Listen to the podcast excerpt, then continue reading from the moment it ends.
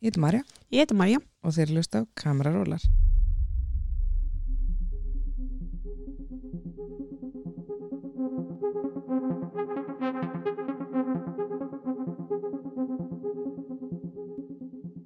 Við setjum hérna í Nóa Sirius stúdíu podcastöðvarinnar og hjá okkur í dag er Ingimar Davíðsson. Hvað segir þau? Ég er bara góður, ég vissi ekki að þetta væri Nova Sirius stúdíó Jú, sér ekki nammi á borðinu? jú, auðvitað, þetta er spons Já. Nammi á borðinu og, og skilti fyrir aftæg og, Já, og já, já. hérna. Er þetta ekki farnar að svona gera þetta eins og alltaf vera með svona segway, þú veist, vera með bara talandi um á setti Við reyndar ekki reyndar þetta er eitthvað gott, sko. Já, þetta er, Svo þetta koma þess inn í Mér finnst rosa erfitt að gera Svona, þannig að ég kemur sér bara í byrjun og já, það er já, bara er búið. Það er bara Ok, búið, sko. En þú ert tæknistjóri, ég glemt að segja Já, það. já. Tæknistjóri mhm. eða tech manager og býrð Erlendis eða ekki? Jú, ég bý í LA En viltu kannski bara kannski byrja þú bara þegar við erum pínuglærar á hvað tæknistjóri gerir og Já. svona, ef þú byrjar á mikilvægstu spurningunni sem er hvað er uppáhalds bíómyndi Já, sko, ég var að hugsa rosa mikið um þetta því ég er búin að hlusta svolítið á ykkur. Þannig að ég vissi að þessi spurning myndi koma. Og þetta er ekki auðveld spurning að svara. Mm. en ég var samt sem áður að bara ég ætlaði að fara að segja ok, everything everywhere all at once að því ég er nýbúin að horfa á hana og hún er frábær.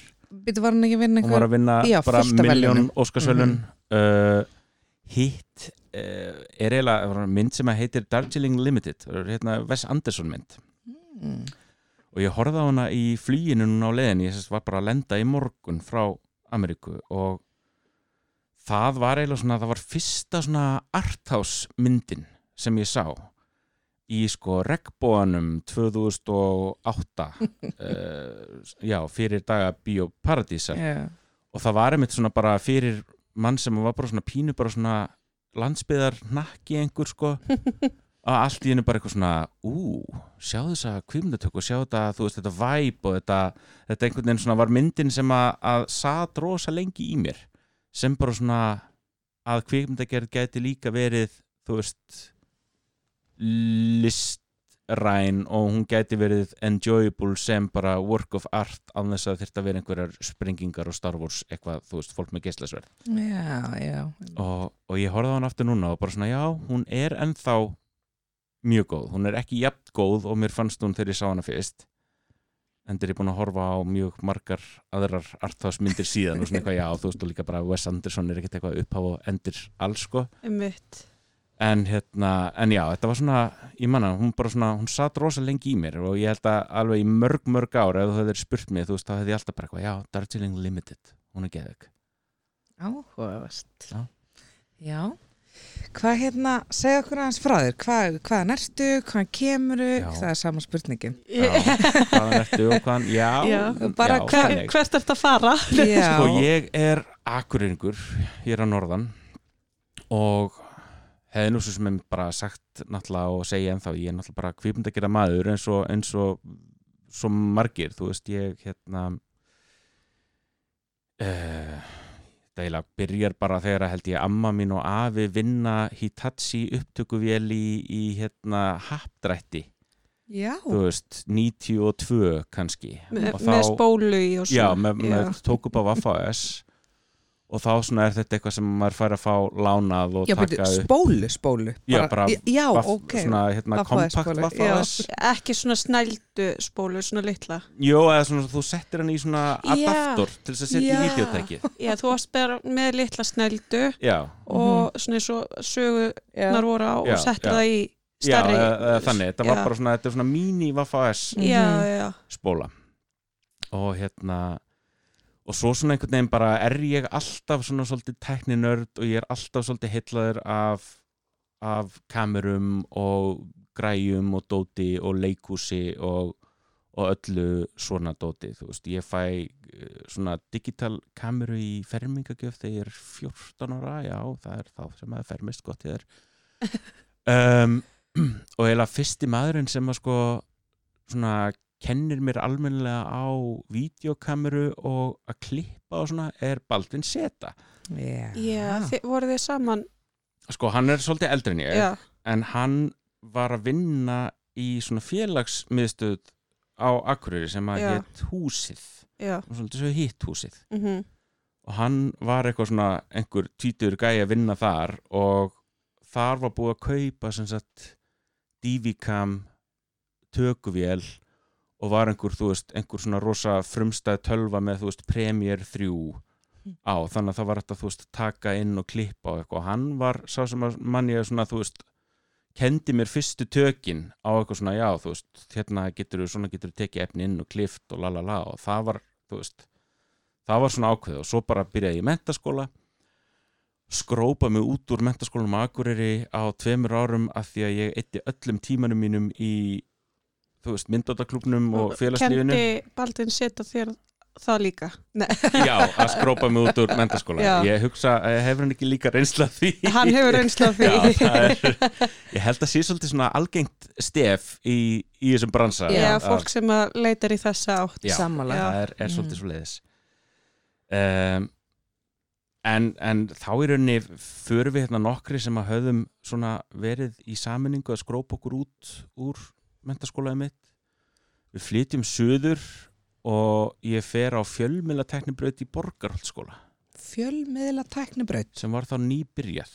Og það er, þú veist, það er ljósmyndun það er vídeo, þú veist, kvipmyndagerð og vídeovinnsla, það er ég tók kursa í hljóðtækni það er líka bara svona, þú veist, að læra á Illustrator og Photoshop og alls konar svoleiðis, þú veist, þetta er bara svona alls konar fjölmiðla tækni dót. Áhugavert. Ég endist heldur ekki lengi það Ó, um, en við stopnum hérna lítið fyrirtæki.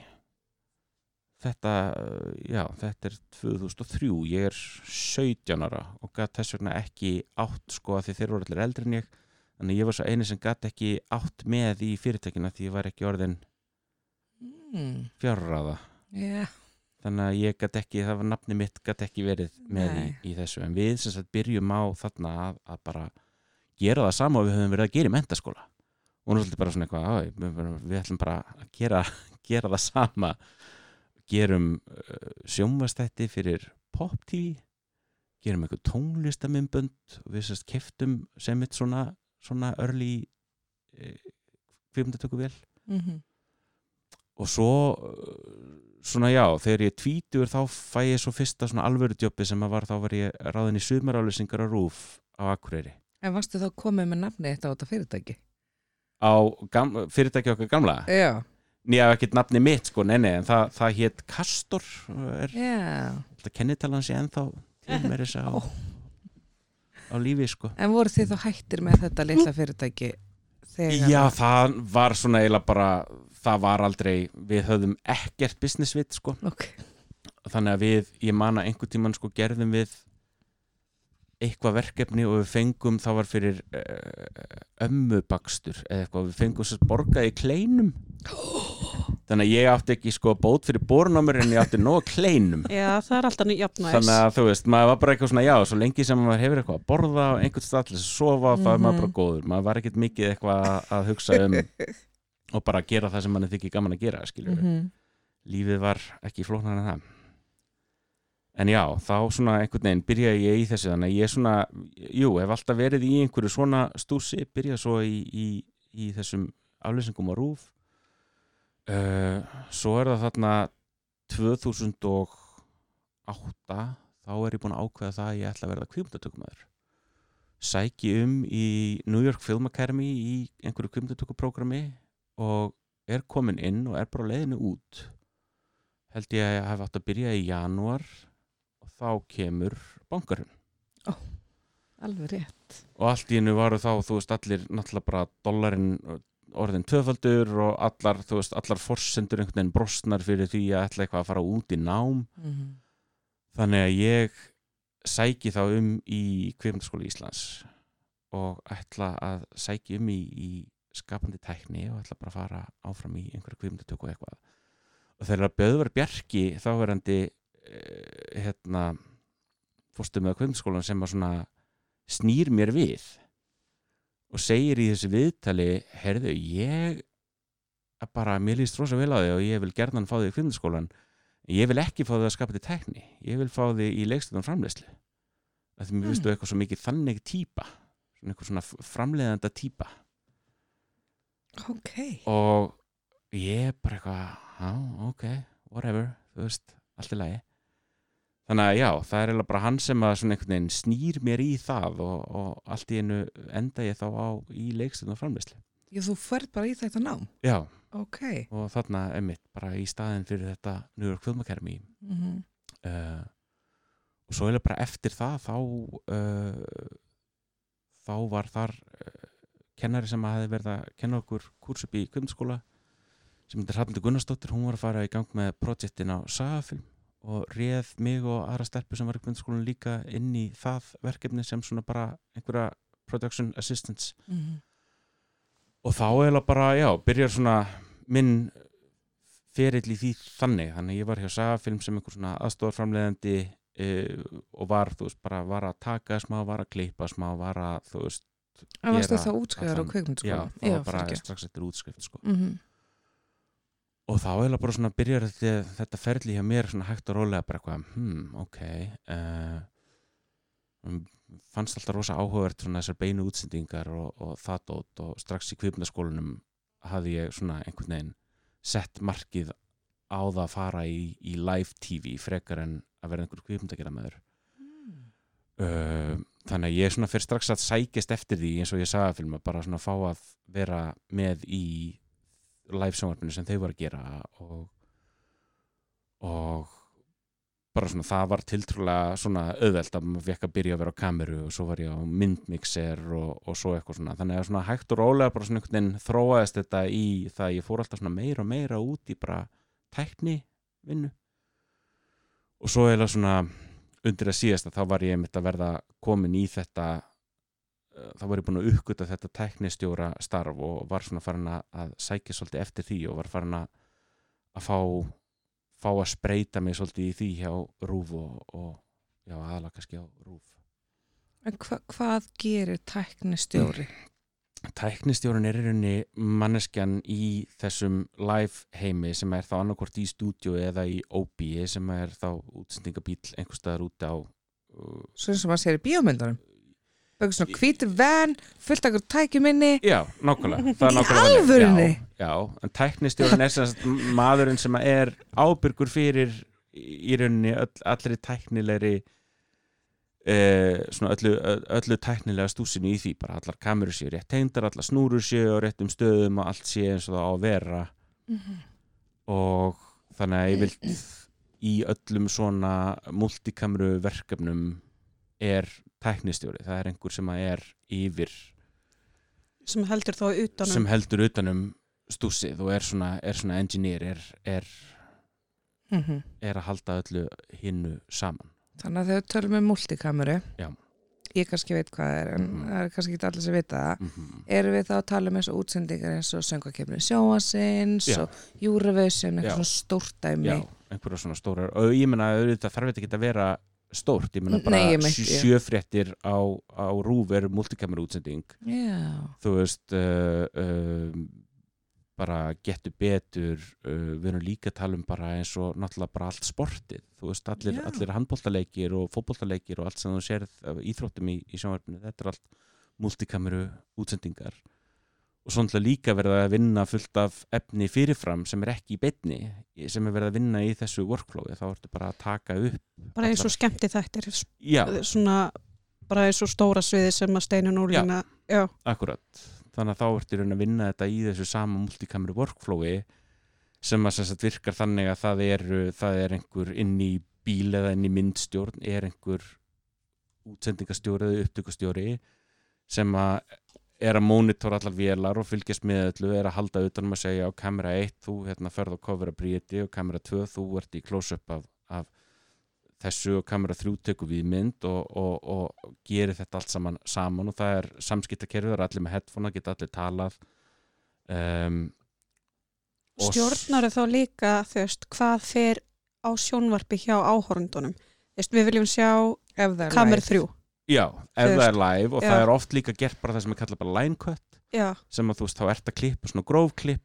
og þá kannski í klippi þá er klipparinn að taka svolítið bara svo þú þá tekur þú bara kliftu grófkliftu útgáfuna en þú tekur líka upp allar kamerur sér þannig að þú getur þá laga sko þú getur ég sagt bara, heyrðu, já, þarna var þarna var nú gott reaction á kameru þrjú sem að ég kannski náði ekki að klippa á live en ég geta farið og setta inn setna og það er sérstaklega með því svona skemmti þáttum eitthvað Já. sem er mikið gert sko.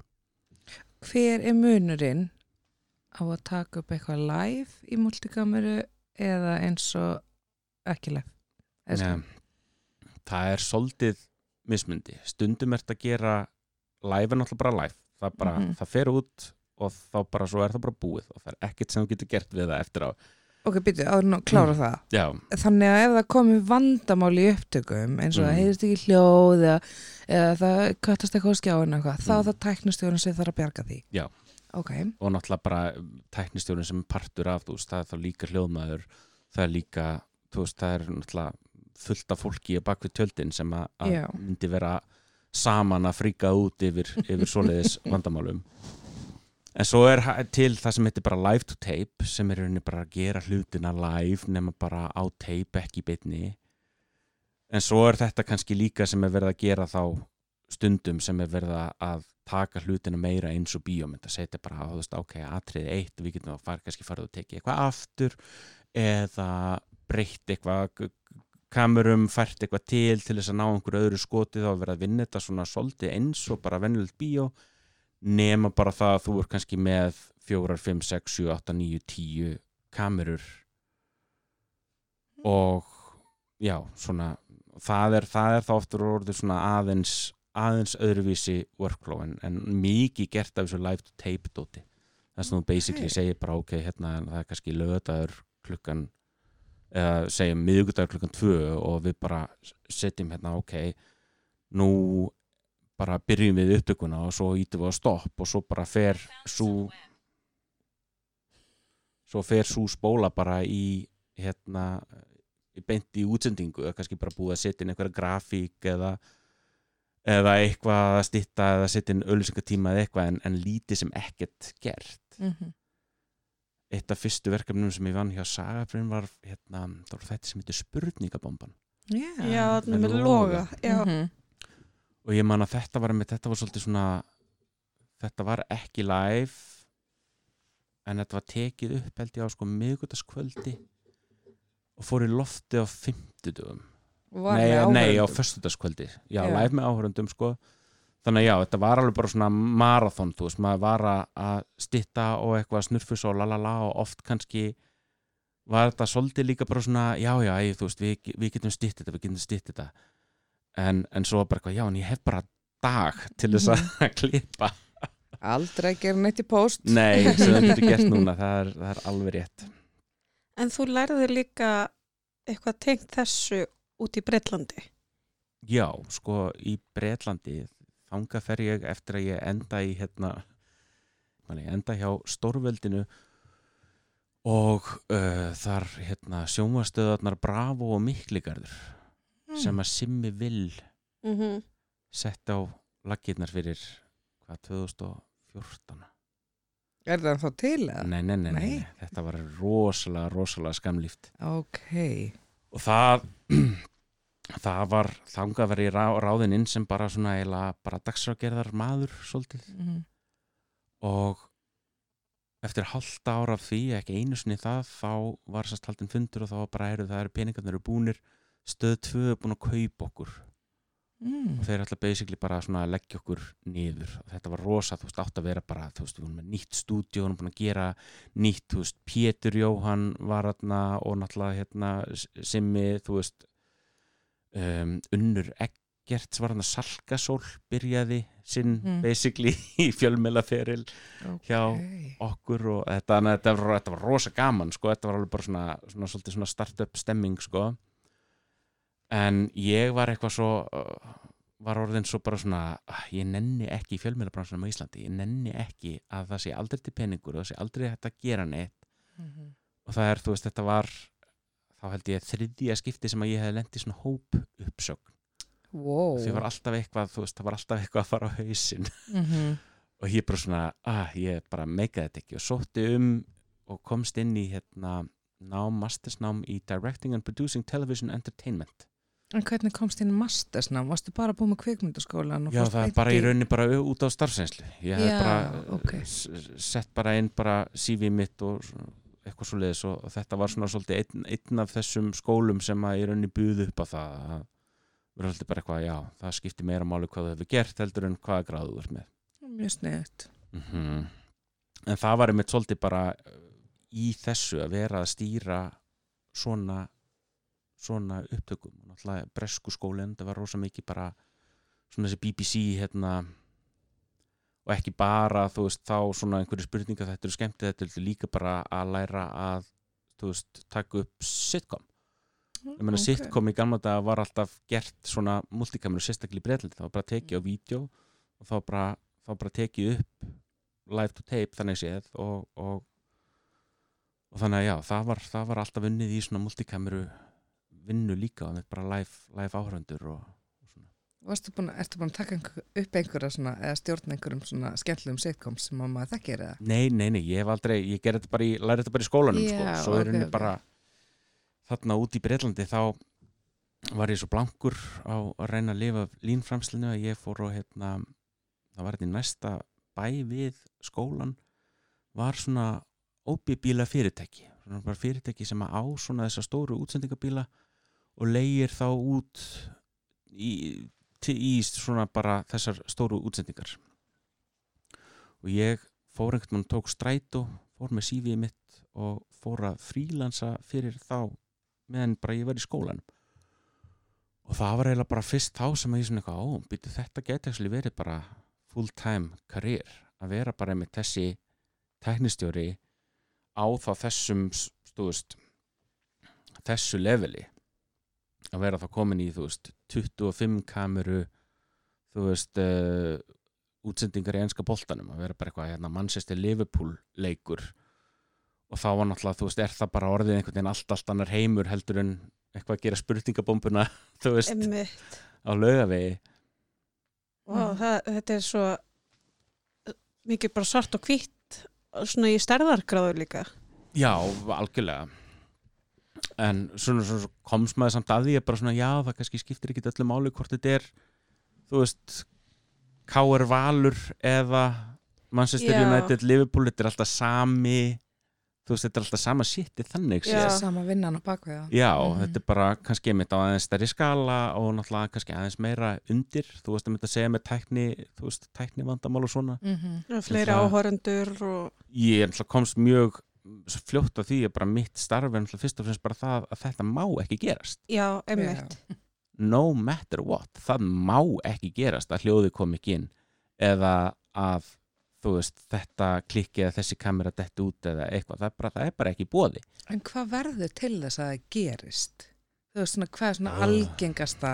þetta er náttúrulega bara svona útsendingar og bara þekkja það allir sem hafa verið í svona einhverju vinnu þetta er, þetta er svo ofbóðslega flókin vél. Það er í fyrsta lega kannski tökum bara íslenska útsendingu bara idol eða, eða söngakefni veist, það eru allavega hundra manns að vinna baku tjöldin wow. það eru kannski 15 kamerur það eru, þú veist 30 mikrofónar það er endalaust af, þú veist e- eyrum, þar sem fólk er með monitor og fólk er með samskipti hingað og þangað. Þetta eru svo ofbóðslega uh, mikið. Og allar þessar deildir og allt þetta fólk þurfa að vinna saman og samstilla sig. Og svo er þetta allt í beinni. Svo Mhm. bara klukkan verður sjö á föstaskvöldi eða lögataskvöldi með söngkeppna skiluru og þá bara er ekki eftir snúið. Þá skalt þú bara krossa fingur og vona að allt sem þú er búin að gera og alla snúrðan sem þú er búin að tengja og þú sérst búin að skipta um batteri í öllum mikrofónum og þú sérst búin að tjekka á öllum stillingunum og, doppul tjekka allt saman. Það er kannski, já það er náttúrulega bara, það eru svo opbúslega mörg hjól í vélinni að auðvitað bara klikkar Já. eitthvað. Síðan, einmitt, segjum að þú sérst að fara að vera útsendingastjóri á úslita kvöldi Eurovision núna í mæ hvenar þarf þú að vera bara sem útsendingastjóri eða teknistjóri mm. hvenar þarf þú að byrja að undirbúa þig og hvað felst í þínum undirbúning Og hvenær þarf það tilbúin? Já. Mm.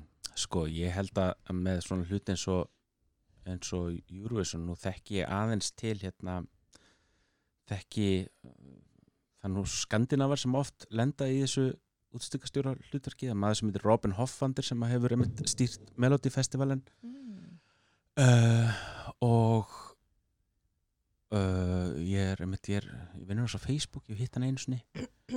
Ég veit það fyrir víst að hann ef að hann er að gera svona hann bara um leið og lögin eru búin að veist, vinna eins og bara hérna núna Dilja, hann er, hann er örgla byrjaður af, eða hver sem stýrir þessu, hann er örgla farin að hlusta. Já, og hann er örgla, þú veist, auðvitað koma löndin líka með þá sitt bara við erum að gera þetta svona þetta er það sem við erum að hugsa og spá ég veit að í Eurovision þá held ég að þau sagt, allt sé tilbúið í æfingar sex vikum fyrir útsendingu. Vá. Held að það sé þannig. Svo taka sem sagt byrja þeir á æfingum með stand-ins. Þannig að allt teknifólkið kamerumennir, sviðsmennir, hljóðmennir eru búin að æfa sig með krökkum, einhver tíman voru þetta einhverju krakkar og einhverjum sviðslistaskóla í Malmö eða þegar þetta í Svíþjóð sem eru þá búin að læra lögin og koreografíuna og stand-in fyrir atriðin. Þannig að kamerumennir og teknimennir eru búnir að æfa sig með með hérna stand-ins Það er áður en að crazy. keppendunir mæta svæðið. Þannig að þegar keppendunir mæta svæðið og byrja sína ræfingar af því að það er náttúrulega frekar stuttu tími þú veist það er bara eitthvað tvær vikur eða eitthvað fyrir sjó þá er allir þá vita allir nákvæmlega hvað þeir eru að gera.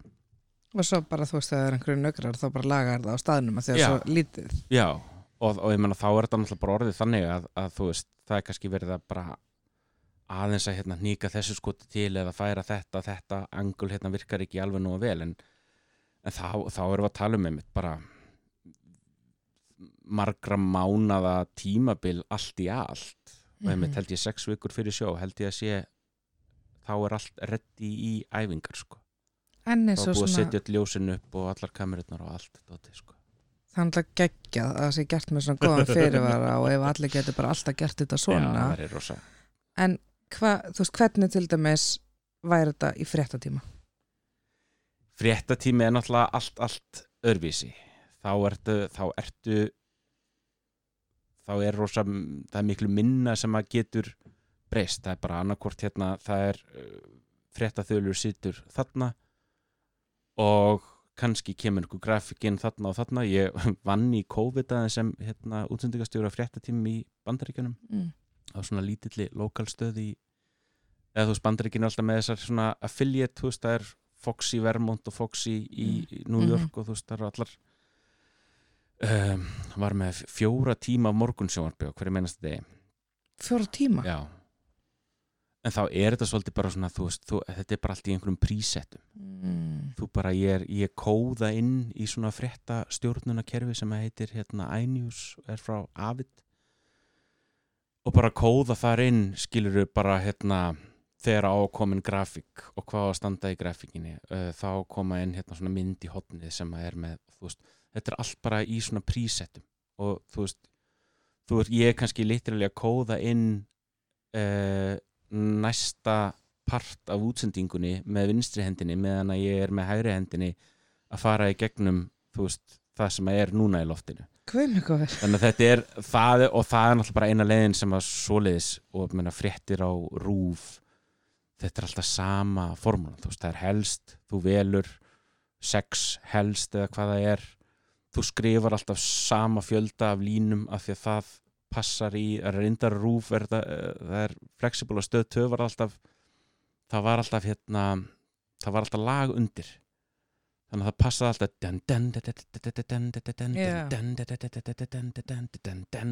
það voru alltaf bara ákveðmarki veist, taktar, 11 sekundur eða hvað sem það var mm -hmm. þannig að þú vissi bara þú gast, þú veist, fréttamenni bara skrifa eða uh, eldur varði í bla bla bla bla bla bla bla bla bla bla bla bla bla bla bla punktur það er bara, og það er bara alltaf þannig Mhm. í hverjum einasta fréttim og skrifa bara alltaf þannig og svo bara svo bara ferði í gegnum þetta svo playlista bara, hérna, næsta frétt, næsta frétt Þetta er, það, það er rosa mikil bara En þarf ekki að vera mjög góður í því að halda aðtikli Og multitaska. Jú, það er samt, fyndið þess samt eru allir með ADHD í þessum frikkin bransa Ég sko. veit það. Já, að þú veist, að því að ég er svona, ég er eiginlega bara smá stressa og hlu- hlusta Já. að segja frá þess að því að þú veist, en hvað gerist ef ég svona smá stund út og bara fæst já. og sen er bara er frétta þölurinn orðin bara þagnaður að því að ég er ekki að sinna vinnunum minnu og hann Já.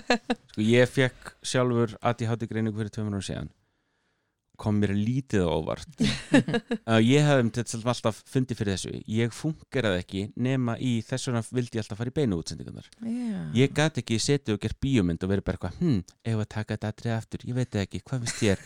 Var kannski, hérna, erminennar var hún á aðeins öðrum staðin tökun aðan, ég bara, ég dey.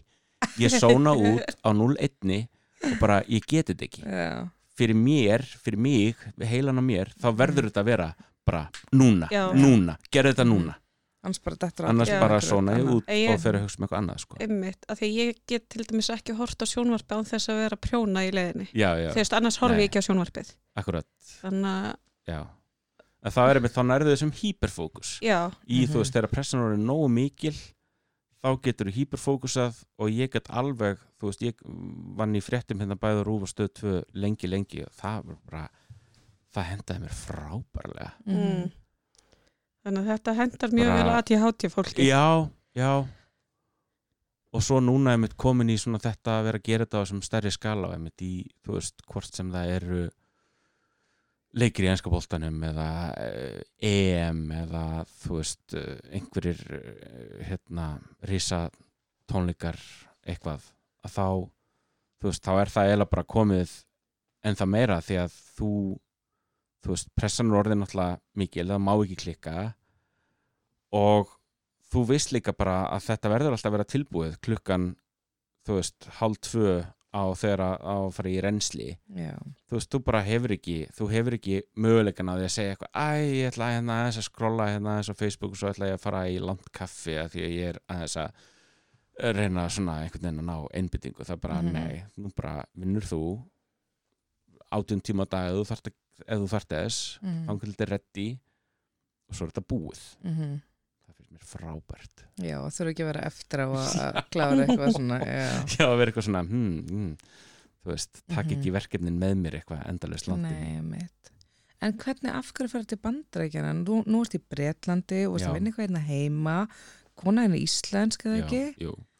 sko, kona mín er læknir Já. og kom til mín til Bretlands að því að ég sagðist ekki vilja fara heim Mm. og heila sett henni bara eitthvað annarkur kemur þú til mín út eða bara, þú veist, þetta er bara búið ég, ég bara er ekki að fara heim Mm. og uh, verður að þið eru búin að saman rosalega lengi. já, við erum búin að saman í 12 ár Já, Rúm. ok. uh, já, en þá er hún svo þú veist, klára lænsvæna hérna 2015, kemur út til minn til London nota tíman eða meðan að ég er þar að vinna í að læra fyrir inntökuprófin í bandarísku háskólan Vá. var alltaf náttúrulega, er alltaf mjög sterkur leikur að fara í sérnám til bandaríkjana Mm. og það var líka svolítið líkillin sem að við þú veist, gátum náttúrulega bara að nota til að fá vísa og atvinnuleifi og allt þetta því að þú veist, þú eitthvað til dettur það ekkit bara í hug eitt daginn að flytja til bandaríkjana sko. Nei, það er særa sagt en gert. Já, þannig að það var eiginlega það var eiginlega hún sem var líkillin að því og, og ég var náttúrulega alltaf bara rosa mikið til í við enduðum samt í Vermont fyrstu fjögur árin Mm. en ég er svo sem komst að því að ég get bara í bandaríkjunum er það þannig að fólk bara fólk er alveg sama hvar þú býrð það er bara, þú ert ráðin í verkefni og svo er bara spurt hvaðan viltu fljúa Já. og þá ég er líka svolítið að hugsa um það bara þegar að ég svo einhvern mann flytt heima bara þú veist það skiptir engum máli held ég fyrir flesta kuna í bandaríkunum hvort er fljúaði frá Keflavík eða Vermont eða LA eða þú veist að að það er bara Mm þeir ráða bara af hægasta fólkið Já, já. skiptir engum máli hvar það er Nákvæmlega. þannig að ég var bara rosa mikið að fljúa og flakka milli og fara í verkefni hingað og þangað Ok, og bara meðan hún var í skóla þá í sérnámi. já, já, Ok. undir setti smástrik í reikningin að við eignuðu sparrat að ég þurfti líka svolítið að vera heima með þessu barni en En þú veist, nei, ég menna það var líka var rosa fínt af því þá get Já, ég já. farið í jobb um helgar þegar hún var ekki að vinna Já, og verið svo bara heima á virkundum þegar að vennilegt fólk er í vinninni Já, nákvæmlega. af því þessi bransi náttúrulega sérstaklega þessi live dansi er náttúrulega rosa mikið bara hann gerir svolítið mikið á föstas og löðskvöldum Já. En hvað er svona skemmtilegasta live verkefni sem þú hefur farið í? Í, vá, sko. Uh, Ég ætla ennþá að segja bara að það er orðið askoti langt síðan, það er eiginlega að vera tíu ár síðan. Við gerðum þætti hérna sem heitir Dans, Dans, Dans. Já, ég man eftir sem að mér fundist ótrúlega skemmtilegir. Það var í fyrsta lagi bara ótrúlega gaman að gera dans Mhm. og að filma dans. Af því að það var einhvern veginn flókið. Þú þurftir samt að sína alltaf, þú þurftir að sjá fætur og hendur alltaf. Þú gast ekki, þú veist en svo já, þetta var bara skemmtilegur hópur, uh, metnaðafullt projekt, Mhm. svo mann ég líka eftir að við gerðum hérna áhöfnun á húna Mm. Uh, það var líka, ég var með í, í útsendingum á því, það var rosa gaman að því að við vorum bara eitthvað, við vorum að gera tónleika á þú veist höfninni í Já. Stykkishólmi og höfninni á Reyðarfyrði og að vera bara eitthvað að fara með fullt af vittlýsingum, bransavittlýsingum í flugvél á Egilstaði og gist allir saman í einhverju, einhverju skólastofu á Reyðarfyrði af því að það Mhm. voru ekki hótelherbyggi í bænum og þú veist og sendu út einhverja geggjaða tónleika í, þú veist á, í náttúrunni og já, það var, það var rosa gaman Mhm. það var hugsa um svona stærri verkefni, þú veist um, ég er bara svona það sem hefur verið að gerast upp á síðkasti, sko, við gerðum uh, við gerðum hérna Encanto live Ah. sem var á Disney Eh, í Hollywood Bowl ég er búin að sjá það. Já, það var ókslega gaman Oh my god. Ég var líka bara eitthvað svona, ó ég vildi ég geti tekið strákinn minn með það því ég get bara svona, ég var alltaf með, alltaf með backstage passa, ég get bara, ég er bara hérna að lappa upp stígan í, þú veist, Casita Einmitt. á sviðinu uh, Svo vorum við með hérna Og ég er svona starstrakt. Já, Já.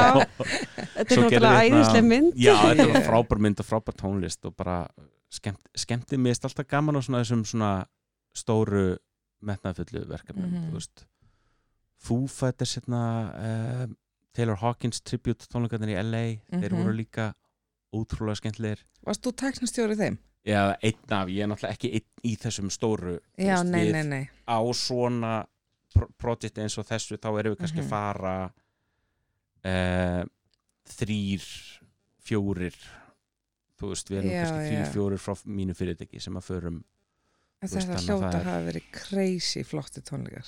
það, já, það var líka bara eitthvað svo insane að- að vera að, þú veist rölda um og, og laga einhverja kameru og það er bara eitthvað, já, þannig er, þú veist, þannig er Lars Ulrich og Dave Grohl og hérna uh, þú veist, já, ég, ég Mhm. man ekki einu hverjir voru, en bara, það, það voru Mhm. einhvern veginn allir Allir, já.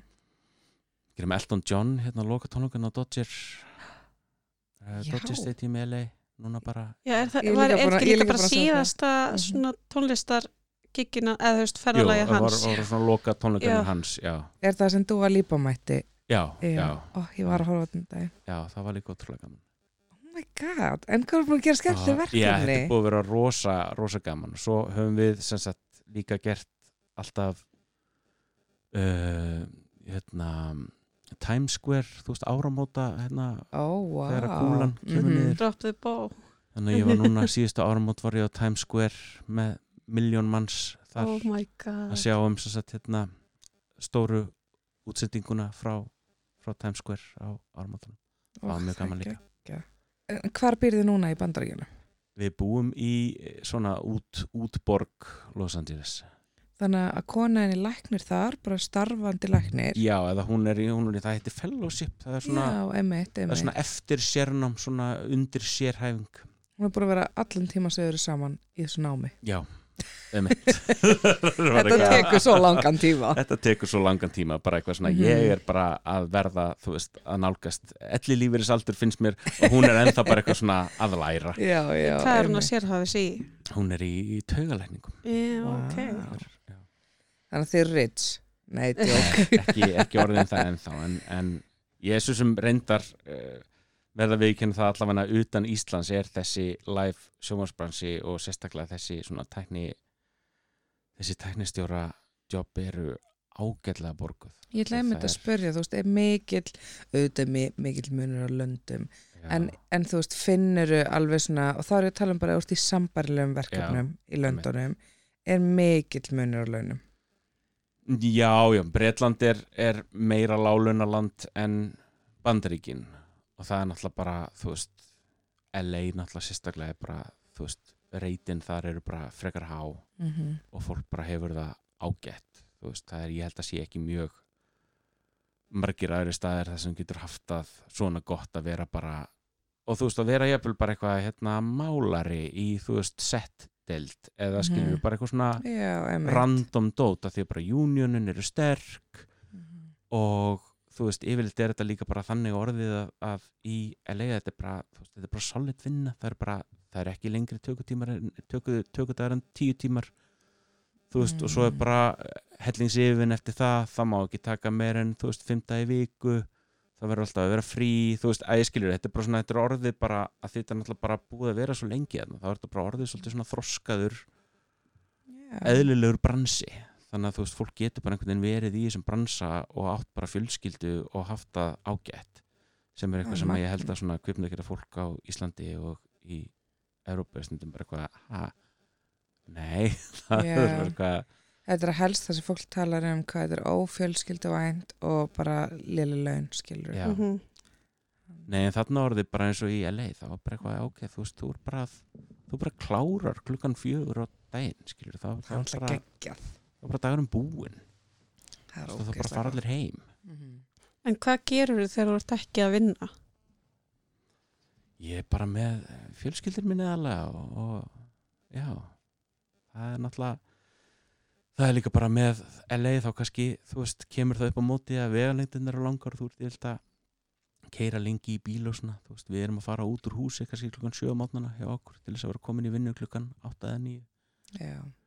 og koma kannski heim klukkan, þú veist, 6-7 kvöldi þannig að þegar maður er þá heima þá bara Slappa af. slappa maður af og, og Mhm. já, Einmitt. en það er alltaf búið að vera líka rosa gaman að vera þarna og geta aðeins kannað svæðið og svona og Mhm. farið á ströndina og Og þið getið Bara fara á ströndina. ekki núna reyndar ískallt og marga Uh. En, en langa er að koma heim. já, mér langar að koma heim Mhm. En mér langar að mér langar að koma heim í, þú veist, mér langar líka bara að, að það geti verið til bara góður heilbröður bransi hérna heima Algjörlega. Mhm. og mér langaði svona einhvern veginn aðeins að þú veist já, það er spurning hvernig er, hvernig er best að fara inn í þú veist þetta er kannski ágætis ágætis leið að fara inn í það.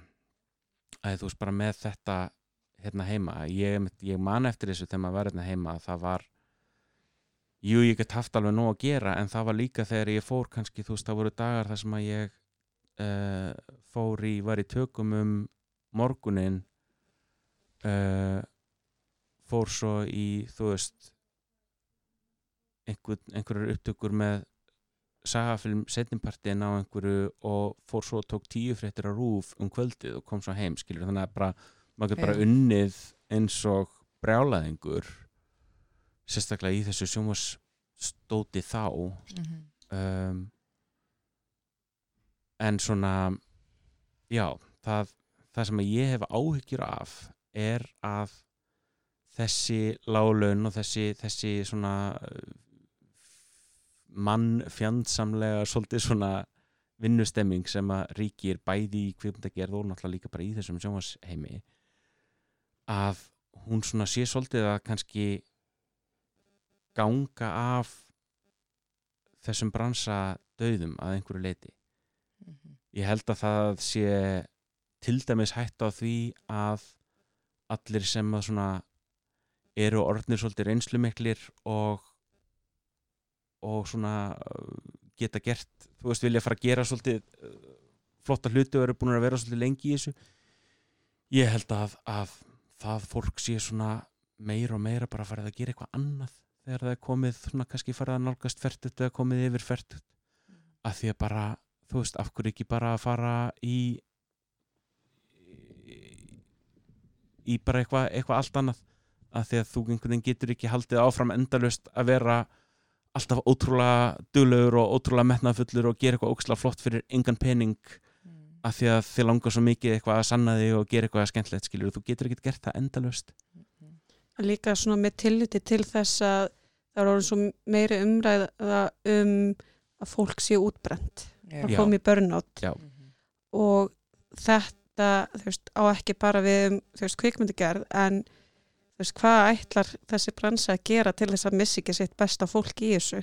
Nei, er veist, þannig að ný, þeir sem að koma nýjir inn í bransan Já. hafi líka eitthvað góða til þess að læra af. Nákvæmlega, nákvæmlega og, og það er þetta sem að þú veist það þarf að vera þessi svona circle of life skilur við það þurfa að vera gömlu kempurnar sem eru búin að gera þetta í 30 ár til þess að nýja fólki geti lært að auðvitað þetta er svolítið öðruvísi kannski í kvikmyndabransan þið, þú veist, kví, og þá er ég að taka kvikmyndabransan sem eitthvað svona sér við sjómas dagskrargerðarbransan þar er, þú veist, þar er Hollywood-pródusjónin og þessi ellenda pródusjón og þar einhvern veginn kemur inn svona svolítið atvinnurgi og náttúrulega líka bara þjálfun og fólk er að fá reynslu þar og fólk er að vinna með þú veist, einhverjum kempum hingað og þangað uh, úr heiminum sem að þú veist er að koma hér í pródusjónir sjónvarpið hefur þetta ekki og mér finnst svona einhvern veginn meðan að hefur orðið ákveðin uh, svona þú veist, það er ákveðin gullöld í íslenski kvikmyndagerð að þá finnst mér vera ákveð hrun í íslenskri dagskrágerð Mhm.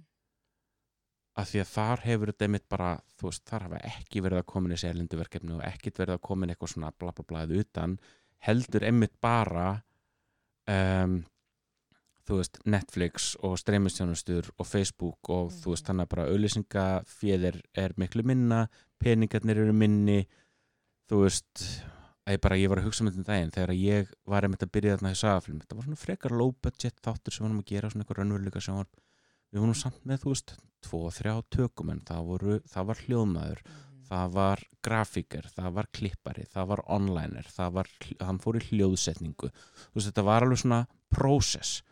Núna finnst mér einhvern veginn sambarlegur þáttur í dag, ég þóri eiginlega fullir það, væri bara einhver einn gaur með kannan, þú veist með einhverja, einhverja Já. kameru sem að myndi klippa þetta og hljóðsetja þetta og gera allt, allt sem að allir þessu sjö gerðu hérna fyrir eða tveir. síðan Mhm. gera núna einn eða tveir bara í fartölunni og auðvitað bara tæknin er svolítið að leiða okkur það en líka þá í staðin fyrir að þú veist að hugsa já býtu tæknin er að leiða okkur að gera þá metnaðfyllri verkefni og stærri verkefni þá er einhvern veginn verið að segja meira bara svona ok, við getum gert það sama og við höfum alltaf verið að gera við getum bara gert það fyrir miklu minni pening og nú er bara einhver svona einn sem gerir þetta breytar kallir þetta predator með þetta svolítið, þú veist, það er producer, director, editor Já. Mhm. uh, og það er svona, þú veist, maður er að sjá alltaf meira og meira af því Það sést alveg. Já, það sést alveg og ég held að við Marja eigum alveg nokkara, veist, könnumst við nokkara bara úr náminu okkar sem Já. er einmitt í, tækni Svona, og er einmitt í svona verkefnum og eru Algjörlega. yfirleitt einir í þessum verkefnum. Já. og algjörlega því, þú veist, því fólki ólöstu, þetta er bara Mhm. það er náttúrulega ótrúlega krefjandi en það þýðir náttúrulega það að standardin droppar svolítið Mhm. Já. þú veist, það þýðir það að þættirnir er ekki dagskrárgerðin er ekki af góð, skilur Nei, Einmitt. það er bara þannig og það finnst mér kannski svolítið svona að það hræðir mig að, að bara að því ef þetta heldur svona áfram þá bara smátt og smátt er tapast þessi þekking niður Já. að því að þeim eitt fólkið sem að, að er búið að vinna í þessi 20-30 ár það er náttúrulega bara það er alls ekki þessum, þessum þáttum Nei. og svo bara einhvern veginn ég hef einhvern veginn óttast það að ef við gerum ekki neitt þá kannski eftir tíu ár verði einhvern veginn Íslands sjónvarp ekkert bara eins og þú veist eins og INN eða skilur þetta verða allt bara eitthvað svona rosa basic, rosa low budget rosa eitthvað Mm. af því að það verður bara ekki, það verður ekki peningar eða, eða einu sinni kunnátt til að gera neitt annað skilur Einmitt. En hvað finnst þér að þurfa að gerast til þetta lægist? ég er búin að vera mikið að elda þessu fyrir mér sko Mhm. að því að ég held að, að þetta er náttúrulega bara landslæðið er einhvern veginn þannig þú veist, það er bara, ég meina ég bara sjálfur ég horfi eiginlega ekkert einu svona í bandaríkjum ég horfi eiginlega ekkert á sjónvarp, ég horfi á YouTube Já. en það er náttúrulega líka að gera eitthvað á YouTube í bandaríkjunum þar sem að þú hefur endalösan markað og getur náð 200 miljónum áhöranda á myndbandiðin er annað en að gera eitthvað þú veist, gera eitthvað podcast á Íslandi skilur við, þú ert ekki, þú ert aldrei að fara að ná einhverjum er, er ekki Tugþúsundum- sambarlegt Nei. já. um, ég hef svolítið verið að horfa á þetta fyrirbæri sem að hétt menningarsjóður útastöða sem að var held í stopnaði 1984 og hann var sérst fjármagnað með 10% eh, álægi á alla auglýsingasölu í útvarpi. Þannig að 10% af öllum auglýsingum sem voru keftar og þetta hefði ekki, þetta hefur öruglega verið á sama tíma og til dæmis Rás 2 var að fara í lofti á þessum tíma og, og svo var fjölmiðlun var verið að gefa fjölmiðlun frjálsa Bylgjan og fleiri þannig að þetta hefur einhvern veginn verið eitthvað svona þetta hefur öruglega verið einhver sem að, að vildi ekki að íslensk menning færi í súgin út af öllum þessum uh, frjálsu fjölmiðlum Mhm. sem að hefði ekki sama metnað og, og, og ríkis útvarpið til þess að gera menningarlega þætti. Þetta er örgulega að vinna ykkur þannig pæling. Mhm. En þetta var sjóður þar sem að, að í raunni uh, veitti styrki til framleyslu á dagskrarefni sem að, einhvern veginn svona uh, upphefur íslenska menningu og, og, og það virtist virði, ég hef ekki gert einhverja svona ofnbæra stúdíu ég veit til dæmis að þú veist fósbræður voru styrktir af þessu fullt af þú veist bæði leiknefni og heimildræfni en það var eiginlega svona í rauninni bara hvað sem er sem að var einhvern veginn svona að ebla og styrkja íslenska dagskrökkur og íslenska menningu og það var náttúrulega líka bara þannig alltaf að, að ef að þú ætlar að fá leifi til þess að senda út sjómar bara segja hérna ég ætla að fá leifi til þess að starfa ekki að sjómarstöðuna stöð þrjú Mhm. þá voru hvaðir þar sem þur, ákveðin prósent af dagskrárefni varð að vera íslenskt dagskrárefni það varð að vera texti, það varð að vera hitt þetta. Og allar þessar streymisveitur og þetta dót í dag náttúrulega það er ekki, Nei. það lítur ekki þessum sömur lögmálum, þannig að þú veist En er Það það er að því að engin- það heitir streymisveita? Já ég held að, ég held að sé að því að það er ekki tæknilega séð sjómar og þú þarft ekki leifi frá veist, til þess að starfrækja streymistjónustu en ég held að það þurfi einhvern veginn að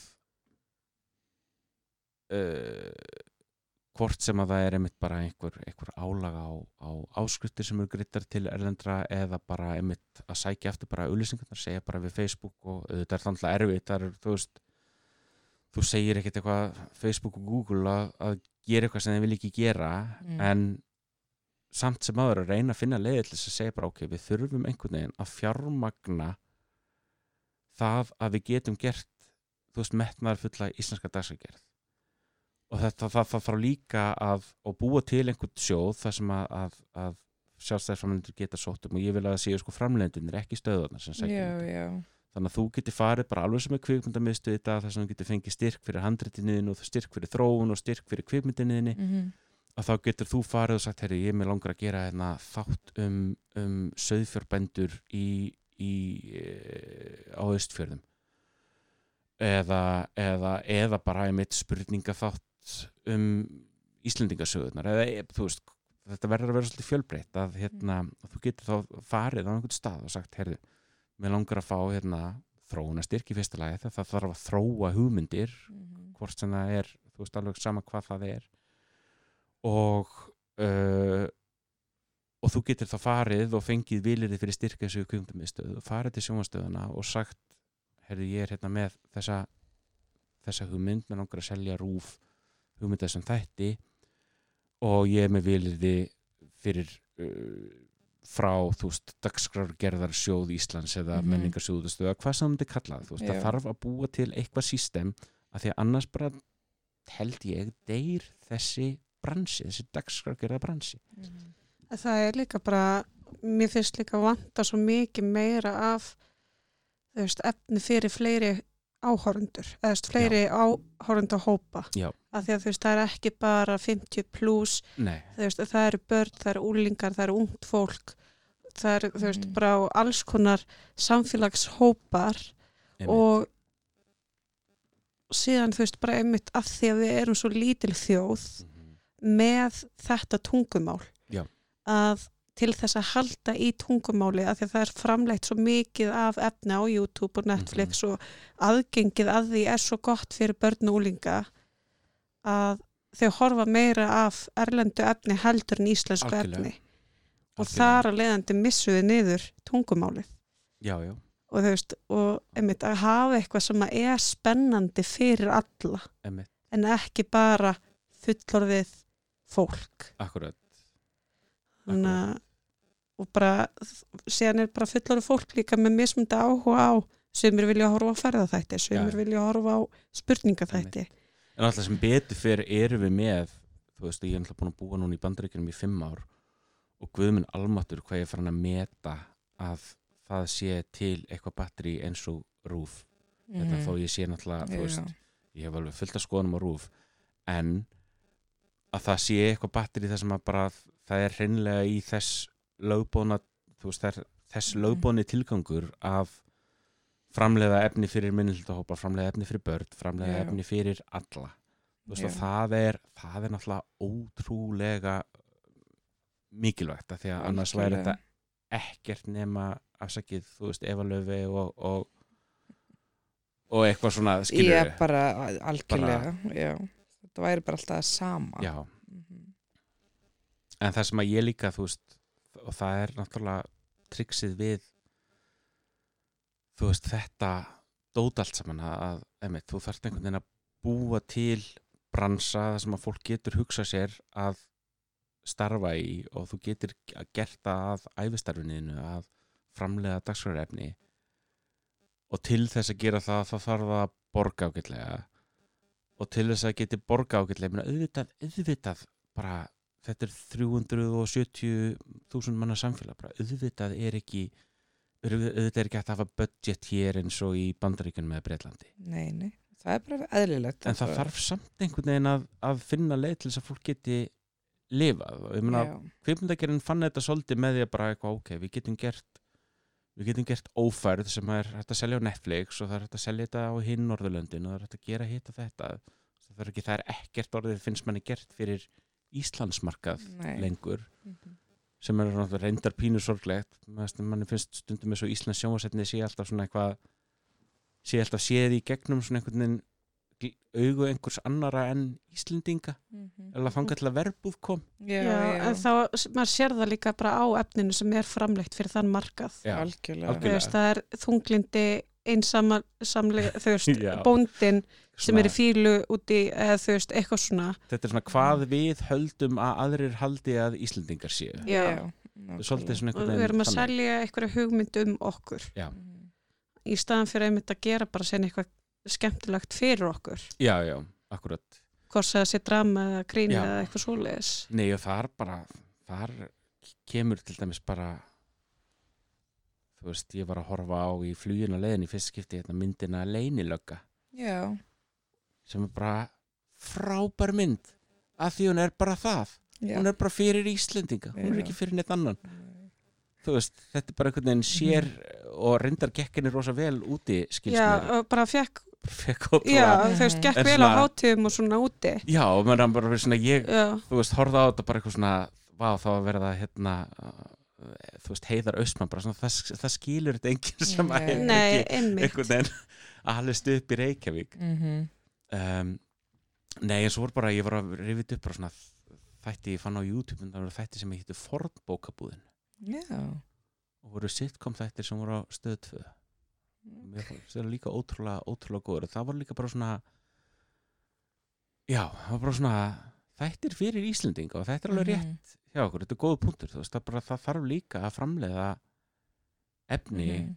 fyrir bara, fyrir okkur Mhm. Það vanti bara meira svona eins og verbúin og vitjanir og þú veist Já. ekki það að vitjanir hendur alveg líka fyrir þú veist fólk en sem maður er ekki frá sá Íslandi. það líka samt á vitinum að því ég Mm. er tiltrúlega nýbúin að horfa á þetta Mhm. að hérna að það var alveg svona þú veist það var ekki það var eitthvað annað point of view en íslenskt í Já, algjörlega, algjörlega þó að blandaðist alveg íslenskt inn Já, í þetta líka já, en það var eitthvað svona sem var Já. bara svona, já, þú veist við vitum alveg að, að það er ekkert íslensk þeng að sé einhverjar hippakellingar gargandi upp í já, já, já. bara, En þú veist, þetta er samt svona smá svona að því að það er smá fyndið að í Já, gegnum já, já. aldirnar að þetta sé það sem að, og Guðminn Almatur, Já. ég hef alveg, þekkt- ég hef alveg séð og hitt svona konur sko, já, Já.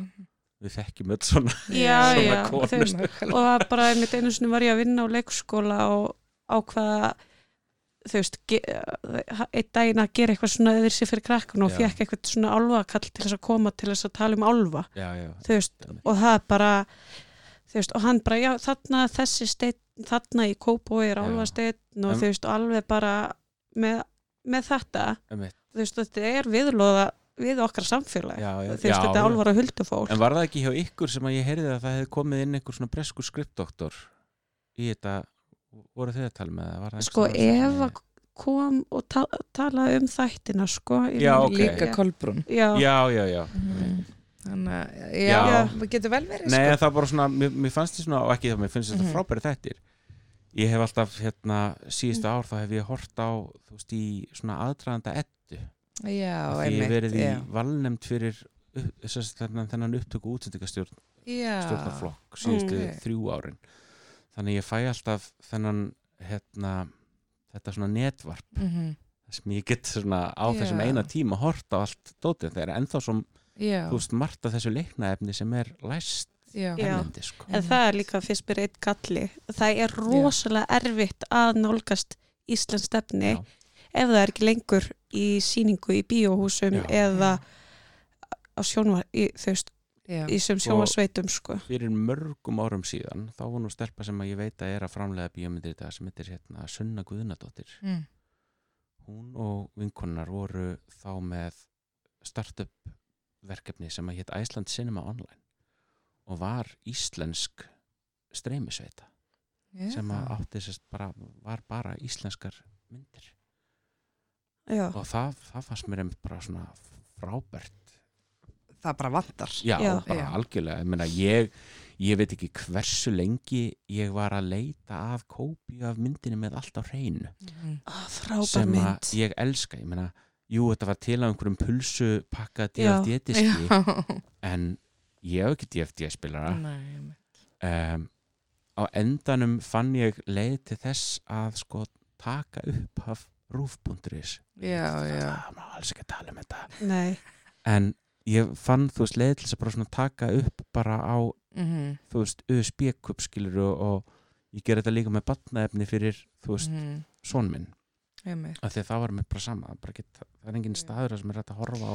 Já, eins og þú byrði í útlendum Mhm. með badn hvað er á badni þetta ná að horfa á Íslands stefni það reyndar Mhm. núna bara það í hérna Disney já, er með Já, Ísland ok. og það kemur alveg já. líka upp í bandaríkjunum Já. sko, sem að Já. kom mér svolítið óvart þannig að við erum alveg að horfa á Encanto á íslensku Mhm. í bandaríkjunum skilur Já. allt sem er þar í búði en jú, þetta er náttúrulega alveg þú veist, já, hann elskar að horfa þú veist, hann vil alltaf frekar horfa á íslensku heldur en að horfa á ennsku sko. Mhm. já Þó en þetta sé- er bara nöðsilegt já, en þú veist, og síðan einmitt ég fann með allt á hreinu ekkert minni fyrra inn á einmitt sarpinu og ég einmitt elska þessa mynd og, indisleg mynd. Og það er veist, líka því hún er svo ótrúlega íslensk. Já, þú veist, og bara þessi sveitaballa menning, Já. ég elska góð íslensk sveitaböll, sko. Og þarna bara húmórin. Já, en þú veist, hvað mér langar að horfa á Stelli Orlofi, hvað á ég að finna hana eða, þú veist, nákvæmlega en hvað ef að ef að einhverjum mm. aðila langar að fara að gera það sem þú ert að gera í dag? Mm hvað myndur þú svona segja við þau að gera? Að því í rauninni hér er ekkert nám til að læra þetta nákvæmlega er, þetta. er það í rauninni hvergi? Ok. Þetta er svolítið bara það að vera megalúði en náttúrulega kannski í dag farið að snúast bara svolítið um það að, að veist, þetta er allt farið að færast meira og meira í bara að vera veist, vera kerfistjórn bara svona tölvu, al, almenn tölvu og netkerfis Mhm. þekking En þarftu samt ekki líka að hafa pínu þekkingu, þú veist, á svona, svona bransadæmi, þú veist, og kamerun og hljóð og svona. algjörlega náttúrulega bara borga sig að hafa sem Mhm. mest á breyðasta þekkingu en ég held að svona þú veist já, nú orðið er örgulega mest og ég finn það bara sjálfur að, ég, að því að ég, þegar ég byrjaði þessu þá þurfti ég ekki að vera einhver ofur sko netkerfis Nei. sérfræðingur. En núna núna er þess, þetta jobb lítrilega verða bara að þú ert bara hérna að þú veist skrifa einhvern kóðalegur við skilur, þetta er allt bara komið í hérna í svona IP-kerfi og, og tölvukerfi þannig í staðin Mhm. fyrir að vera með hljóðsnúrur og myndsnúrur og, og þú veist allt þetta sem að það verður þetta bara Það er alltaf einu staði. snúrur það er svona, það er rosa mikil svona teknibilding sem er í gangi núna sko. ég er alveg búin að þurfa svolítið að, að hafa fyrir því að svona Mhm. fara með í, í þú veist, tílenga mér það mér veist ég nú, þú veist, ég er ekki orðin færtur sko. Nei, ég maður er samt búin að ganga í gegnum einhvern veginn svo marga svona þú veist, þegar ég var að byrja á rúf þá vorum við að skipta í sko vætskrín í þú veist breiðtjalds Ó. útsendingar Vá. og svo kom HD þú veist, fyrir einhverjum tíurum síðan Mhm. og byrjuðu byrjaði HD á rúf Við erum bara á sem eiginlega tæknuöld. Það er bara, Já. þú veist, þetta er alltaf að breytast. og núna er komin þú veist, þessi ofurháskerpa og, og hérna HDR og þú veist og einmitt þessi, þessi netkerfi stall heitir þú veist SIMD 2110 Akkurat. sem að ég þurfti alveg, ég fór á þryggja manna námskeið um daginn í bara Já, kynning á meinar. 2110 staðlinum Já, en, en bara... það er bara, það er í Mhm. rauninni ótrúlega lítið hægt eitthvað að undirbúa sig það hjálpar að vera bara ótrúlega svona tæknilega sinnaður Já, vita um tölfur, vita hvernig kamerur virka, vita hvernig vídeo virkar, mhm. þú veist ég hefða svolítið einmitt að hafa bara minn besti skóli rauninni bara að hafa unnið á Íslandi já, af því að þú þurfti svolítið bara að gangi öll störf ef þú ætlaðir einmitt að þú veist, þú gast ekki eitthvað farið og verið bara eins og maður sér fólk úti bara eitthvað, já ég er bara ég er bara á kameru 2 í fótbollleikjum einmitt. það er bara, það er það sem Mhm. ég gerir ég gerir ekkit annað, bara ég þú veist, var kannski á kameru einn daginn og svo var ég, þú veist svo var ég replay daginn eftir og svo fór ég og, og þú veist hjálpaði til í hljóði eða skilur maður bara gerði það sem maður gætt gert Ummitt. og það var náttúrulega svo kom það í ljósið mitt þegar maður kom út og bara eitthvað svona já, ég hef miklu breyðari ég er kannski ekkit engin sérfræðingur í neinu en ég hef hennan breyða grunn Mhm.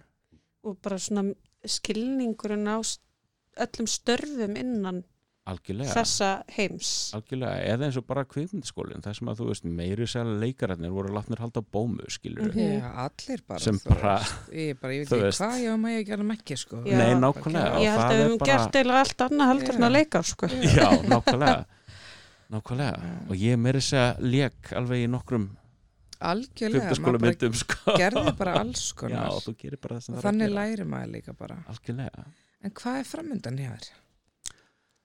Það er bara rosa góð spurning. Ég er náttúrulega í rauninni bara ennþá í uh, fullu starfi hjá þessu fyrirtæki sem ég vinn hjá úti sem heitir All Mobile Video og er svolítið bara, þú veist hjá þeim svolítið bara svona fæ bara svona kom upp bara notification sjá mér bara það er búið að bóka því þetta jobb þarna og þú veist, ah, þú hefur ok. ekkert eitthvað alltaf mikið með að segja sko um, en jú, ég meina í- í- þú veist, ég var alveg að hérna, maður er alveg að fara að hugsa um bara eitthvað hvenar, hvenar komum við heim og hvað ætlum við að gera við komum heim og, mhm. og hvernig, þú veist en ég er svo sem ég veit það fyrir víslíka svo bara með mig og þetta teknistöra starf ég er, ég meina uh, hverju vinna við þetta hérna það er Sæmi, það er Halli, það er Ívar það er uh, Það er bara Hallur. kallar, kallar í þessu. Já, svolítið Já. ég þekki alveg svona worldwide ég þekki mm, þú veist fólk í þe- já, í Skandinavíu í Þískalandi og Breitlandi og hér Mhm.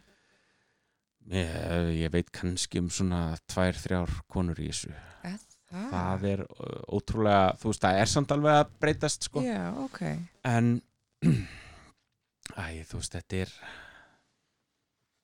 þetta er svolítið bara svona ég heldur séum svolítið á þessum krossgötum við erum örgulega Mhm. ennþá svolítið þú veist, það er örgulega ennþá alveg svolítið mikið af skilur svona eldri kynsluðar köllunum þarna úti sem að Mhm. þú veist er eitthvað, hvað hvað er þetta þessi stelpu skemmt þetta Já, hvað þarf hún að gera hér? já, ég, ég, þú veist það og hún er ekki að vera heima að passa bönnin sín já, það er alveg ennþá svolítið svona en ég bara, sem betur fyrir þá held ég samt bara svona, þú veist we're seeing the last of them Já, einmitt, já. og bara ekki bara í þessu bara í, þú veist, ótrúlega mörgum einhvern veginn, bara í læknisfræðinni og svona, þú veist, veit ég líka að það er bara svona Mhm. þessir þessi gömlu sem Já. eru svolítið svona fí, fí, Sjá og, og þá held ég vona ég að þetta verði svolítið bara svona verði meiri option auðvitað er það líka bara eins og ég finn með sjálf með þetta snýst líka um fjölskyldu veist. Algjörlega. og ég meina ég veit bara um þú veist stelpur sem að voru með mér í kvipnaskólanum sem að voru ótrúlega talenteraðar og bara maður hugsaði bara ok, þú ert að fara að sigra heiminn tveimur honum setna bara heima með þrjú börn eða skilur já. og, og einhvern veginn detta svolítið bara út úr þessum bransa Mhm.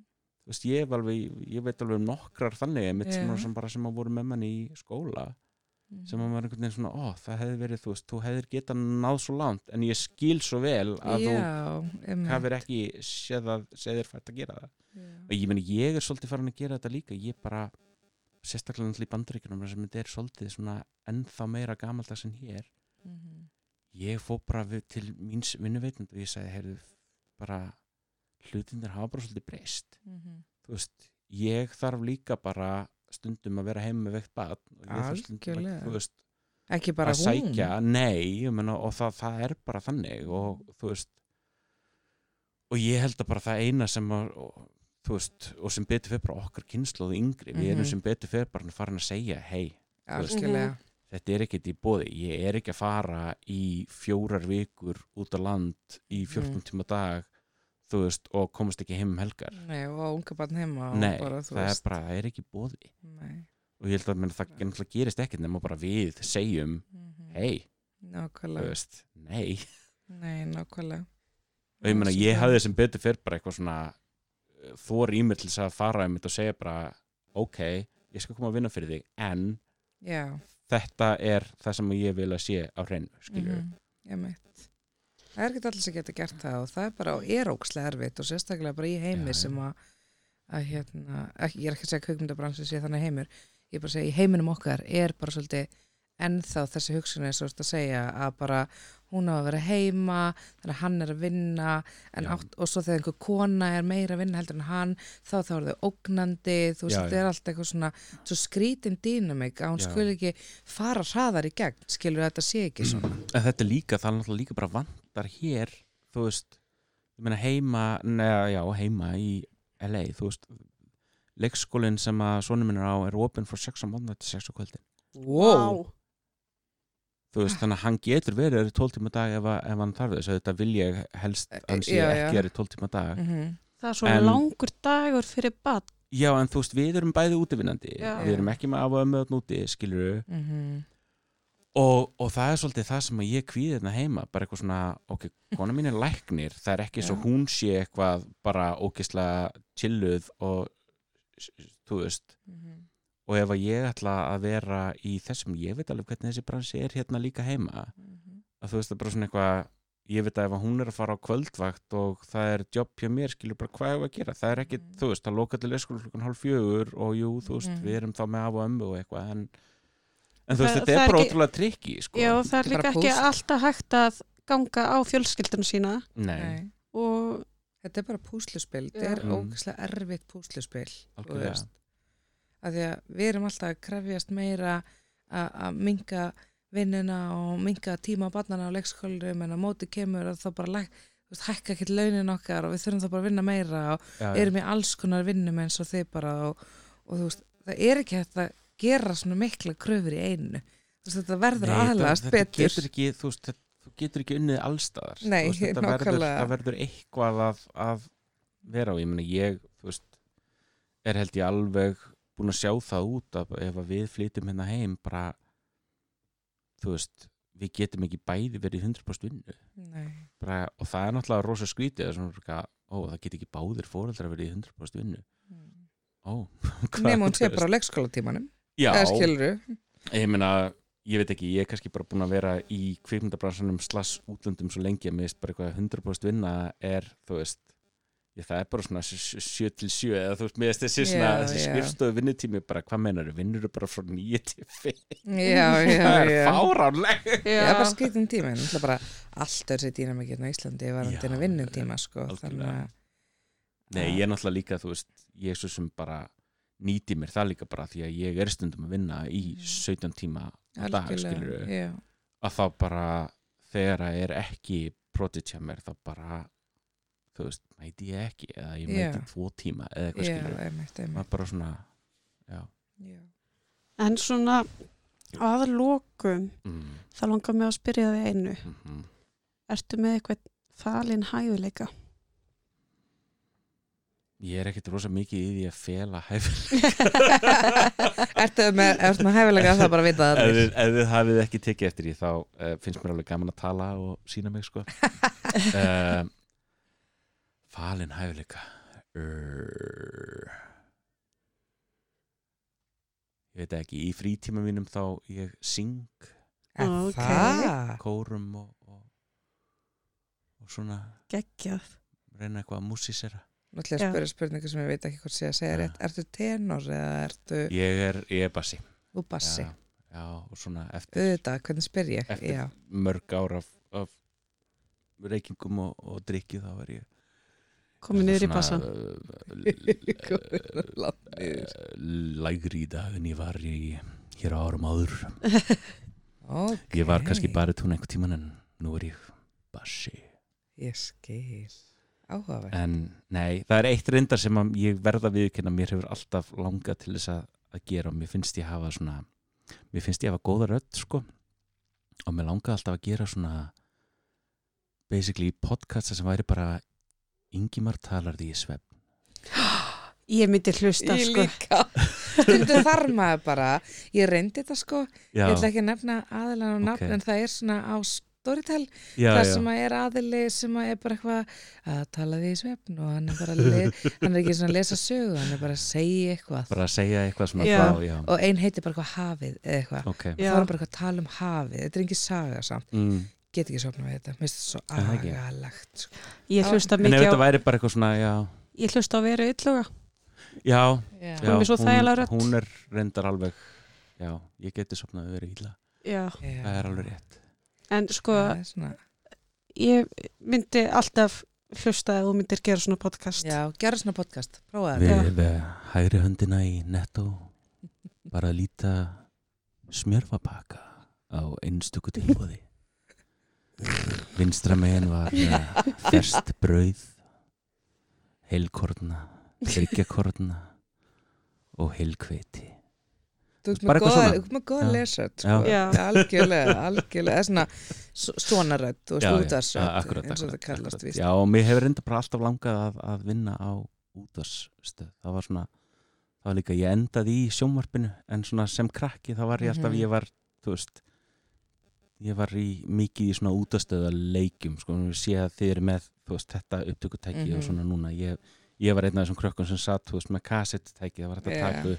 Já. svo tóku upp já, á kassettur en ég meni þá veistu bara hvað þú átt að gera þú fær ógeðslega mikið ógeða hinn og bransanum þá akkurat. veist þú bara hvert þú ert að Já, kem ég í Nóa Sirius stúdíóið í Já.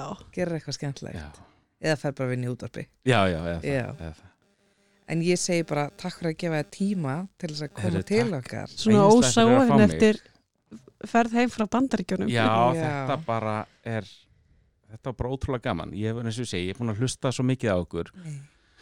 og hérna þegar maður eyðir uh, eyðir svona þrejum fjórum tíma á dag í bílnum þá eru Mhm. podcast alveg besti vinnurinn og, þetta er bara búið að ótrúlega gaman líka bara að geta fylgst með uh, hérna fylgst með bara því sem er að gerast hérna heima Já. og það er með þú veist ég er búin að vera að fara eins og lengi það er fullt, fullt af fólki sem að ég þekki ekkert algjörlega og enda reynum við að taka fólk sem er ekki dendilega alltaf þekkt heldur Nei, bara alla sem er að stíða sem fyrsta, fyrstu skauði bransanum Já. og, og bara hvað sem er til að sjá alla hliðar á þessu Mm. og eins og þú, þú starfar erlendis en hefur unni hérna heima og, já, já, Bara- einmitt. nei og það er bara endilega haldið, haldið áfram bara sem víðast og sem mest Við gerum það, engar Mm. áhyggjur. Bara takk hérlega fyrir Takk komin.